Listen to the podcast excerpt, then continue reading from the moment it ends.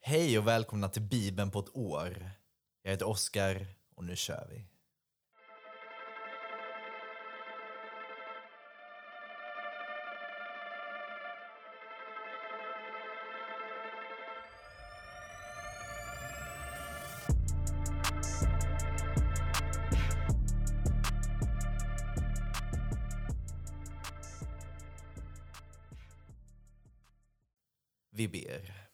Tack Gud för idag. Tack för denna fredag. Tack för att du älskar oss så oändligt mycket. Tack för att du har skapat oss precis som vi är. I din avbild, Gud.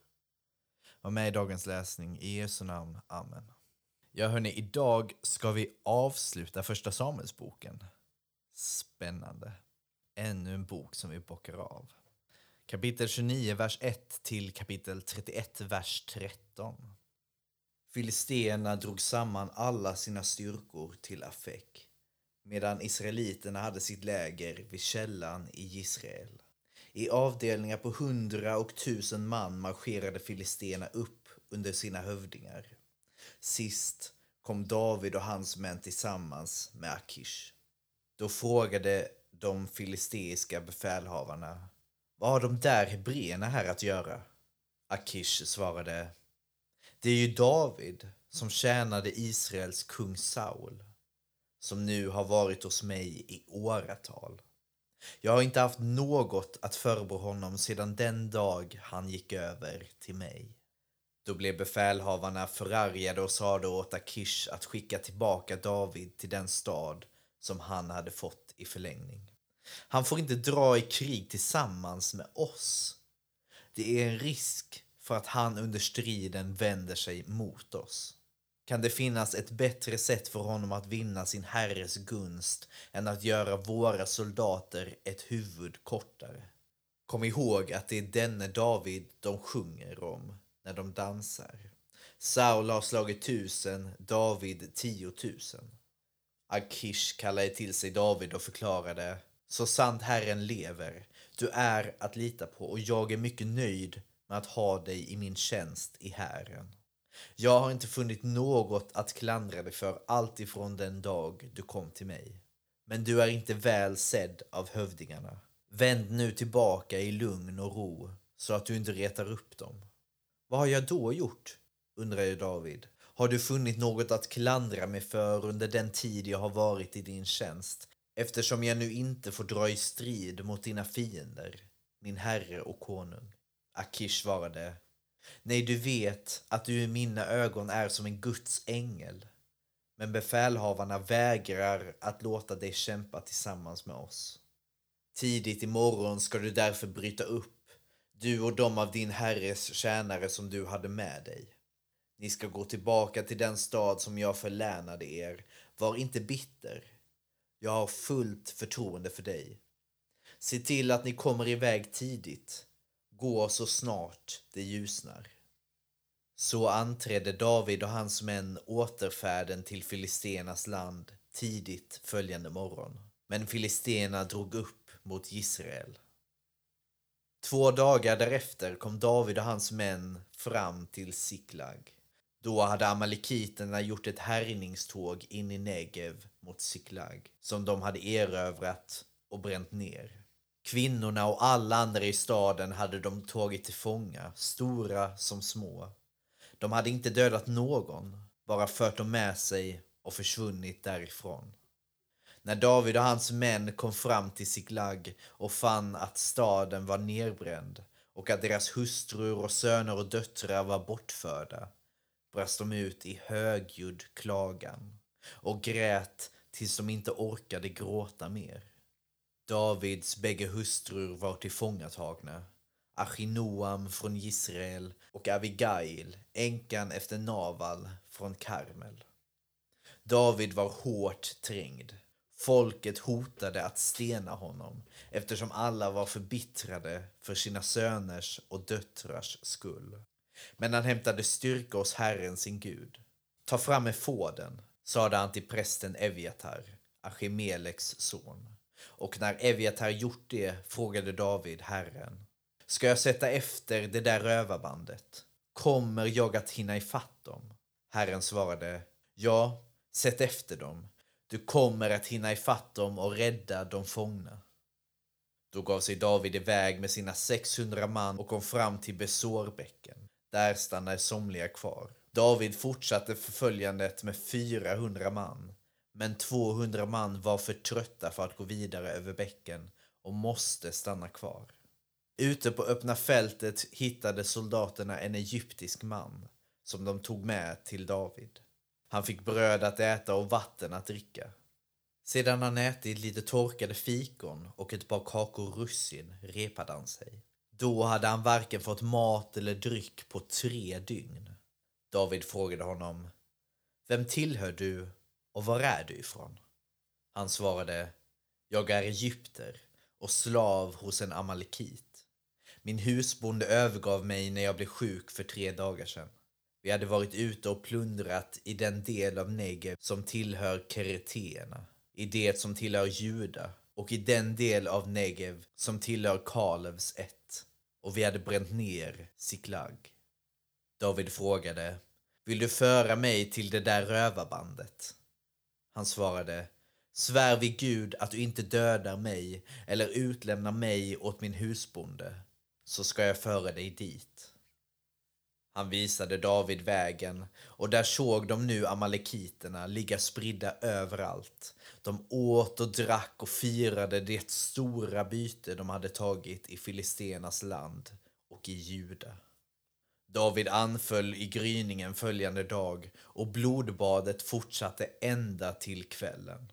Ingen slapp undan utom 400 man som satt upp på sina kameler och flydde. David räddade tillbaka allt vad amalekiterna hade rövat bort och befriade också sina båda hustrur. Ingenting saknades, varken stora eller små, varken söner eller döttrar. Ingenting av bytet eller det rövade. Allt skaffade David till rätta. Han tog också alla fåren och korna. Denna jord drev de framför sig och ropade Här är Davids byte. David kom nu tillbaka till de 200 som hade varit för trötta för att följa med och som han därför hade lämnat vid Besorbäcken. När David och hans män närmade sig gick de 200 ut för att möta dem. David gick fram tillsammans med sina män och hälsade vänligt. Men några ondsinta och illvilliga män i hans följe började ropa. Eftersom de inte gick med oss ska vi inte heller ge dem av bytet som vi har räddat. De får ta sina hustrur och barn och gå. Då sade David, nej bröder, så får ni inte göra med det som Herren har gett oss. Han har bevarat oss och det rövarband som överföll oss har han lämnat i vårt våld. Vem bryr sig om vad ni säger? Nej, samma lott åt den som vaktar trossen och åt den som går i striden. Alla ska vara med och dela. Från den dagen gjorde David detta till regel och rättesnöre i Israel. Och så är det än idag. När David hade kommit tillbaka till Siklag skickade han delar av bytet till sina stamfränder, de äldste runt om i Juda, och lät hälsa. Detta är en gåva till er. Det är en del av bytet från Herrens fiender. Han skickade till dem som bodde i Betel, Ramot i Negev, Jatir, Aroer, Sifmot, Eshtemoa och Rakal. Vidare till de som bodde i Jerashemiliternas städer och i Keniternas städer. Till de i Horma, Borashan, Atak och Hebron och till alla de orter dit David och hans män hade kommit under sina vandringar. Filisterna hade gått till anfall mot israeliterna och drivit dem tillbaka. Många låg stupade på Gilboaberget. Filisterna var tätt i hälarna på Saul och hans söner och dödade Jonatan, Avinadav och Malkishua, Sauls söner. Striden blev hård kring Saul. Bågskyttarna upptäckte honom och han sårades i veka livet. Då sade han till sina väpnare. Drag ditt svärd och stöt ner mig. så att inte de där oomskurna hedningarna förgriper sig på mig.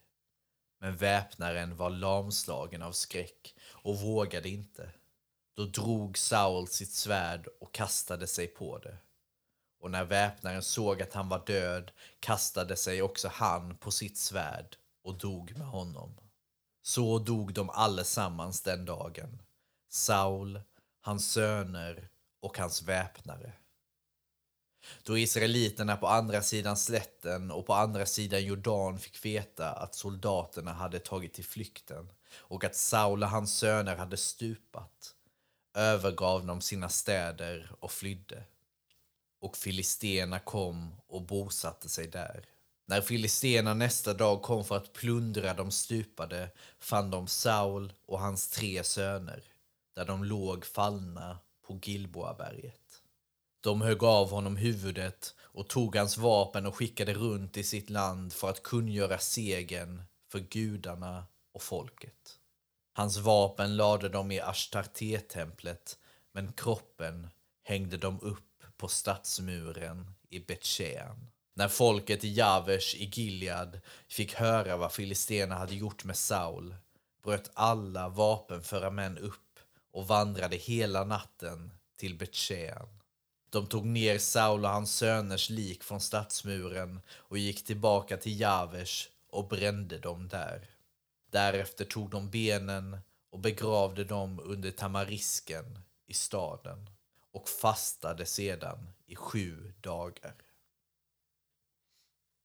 Och där dog Saul och där var första Samuelsboken över. Så i nästa avsnitt så börjar vi i andra Samuelsboken. Men nu fortsätter vi i Johannes evangeliet, kapitel 11, vers 55 till kapitel 12, vers 19. Judarnas påskfest närmade sig och många gick från landsbygden upp till Jerusalem före påsken för att rena sig. De sökte efter Jesus och sade till varandra där de stod i templet. Vad tror ni? Kommer han verkligen inte till högtiden? Men översteprästerna och fariseerna hade gett befallning om att den som kände till var Jesus fanns skulle anmäla det, så att de kunde gripa honom. Sex dagar före påsken kom Jesus till Betania, där Lazarus bodde, han som Jesus hade uppväckt från de döda. Man ordnade där en måltid för honom. Marta passade upp och Lazarus var en av dem som låg till bords med honom. Maria tog då en hel flaska dyrbar äkta nardusbalsam och smorde Jesu fötter och torkade dem sedan med sitt hår. Och huset fylldes av doften från denna balsam. Men Judas Iskariot, en av lärjungarna, den som skulle förråda honom, sade Varför sålde man inte oljan för 300 denarer och gav till de fattiga? Detta sade han inte för att han brydde sig om de fattiga, utan för att han var en tjuv. Han hade hand om kassan och tog av det som lades dit. Men Jesus sade, låt henne vara. Hon har sparat sitt balsam till min begravningsdag. De fattiga har ni alltid bland er, men mig har ni inte alltid. En stor mängd judar fick reda på att Jesus var där och de kom dit inte bara för hans skull utan också för att få se Lazarus som han hade uppväckt från de döda. Översteprästerna bestämde sig då för att döda Lazarus också eftersom så många judar för hans skull gick ifrån dem och trodde på Jesus. Nästa dag, när de många som hade kommit till högtiden fick höra att Jesus var på väg till Jerusalem, tog de palmkvistar och gick ut för att möta honom. Och de ropade Hosianna, välsignad är han som kommer i Herrens namn, han som är Israels konung. Jesus fick tag i en åsna och satte sig på den som det står skrivet. Frukta inte, dotter Sion. Se, din konung kommer sittande på en ungåsna. Lärjungarna förstod först inte detta, men när Jesus hade förhärligats kom de ihåg att som det så skrivet om honom, så hade man gjort med honom. Alla de som hade varit med honom när han kallade ut Lazarus ur graven och uppväckte honom från de döda vittnade om detta. När folk hörde att han hade gjort detta tecken drog de ut för att möta honom. Men fariseerna sade till varandra ni ser att ingenting hjälper. Alla människor springer efter honom. Ja, så där har vi palmsöndagen. När de tog palmkvistar och gick ut och mötte Jesus. Vi fortsätter i Salteren. psalm 118, vers 1-18. Tacka Herren, ty han är god. Evigt vare hans nåd. Sjung, du Israels folk, evigt varar hans nåd. Sjung, du Arons ett, evigt varar hans nåd. Sjung, ni som fruktar Herren, evigt varar hans nåd. Jag ropade till Herren i mitt trångmål, Herren svarade, han förde mig ut i frihet. Herren är med mig, jag har ingenting att frukta. Vad kan människor göra mig? Herren är med mig, han hjälper mig, jag ska triumfera över mina fiender.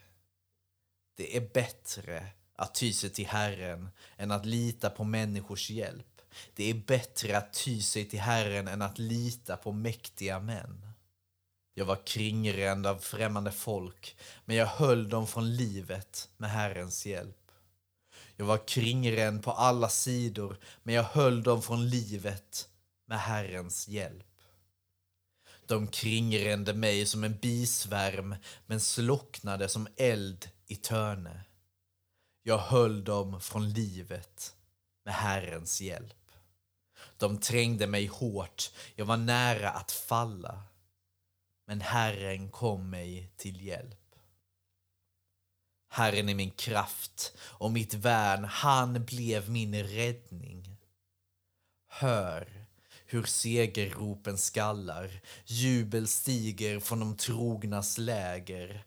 Herrens hand har visat sin kraft. Herrens hand är höjd till seger, Herrens hand har visat sin kraft. Jag ska inte dö.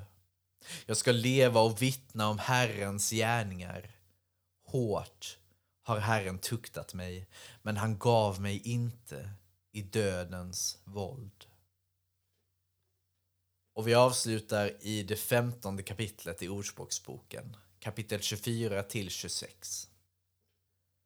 Den kloke vandrar uppåt på livets väg för att undvika dödsrikets djup. Den högmodiges hus river Herren ner. Men änkans gränssten låter han ingen rubba. För Herren är de gudlösas planer vidriga, men vänliga ord är rena. Det var allt för idag, kära vänner. Eh, vi ses på måndag igen, har jag tänkt. Vi hörs och ses då. Ha det fint. Ha en fin helg. Se till att vila. Hej då.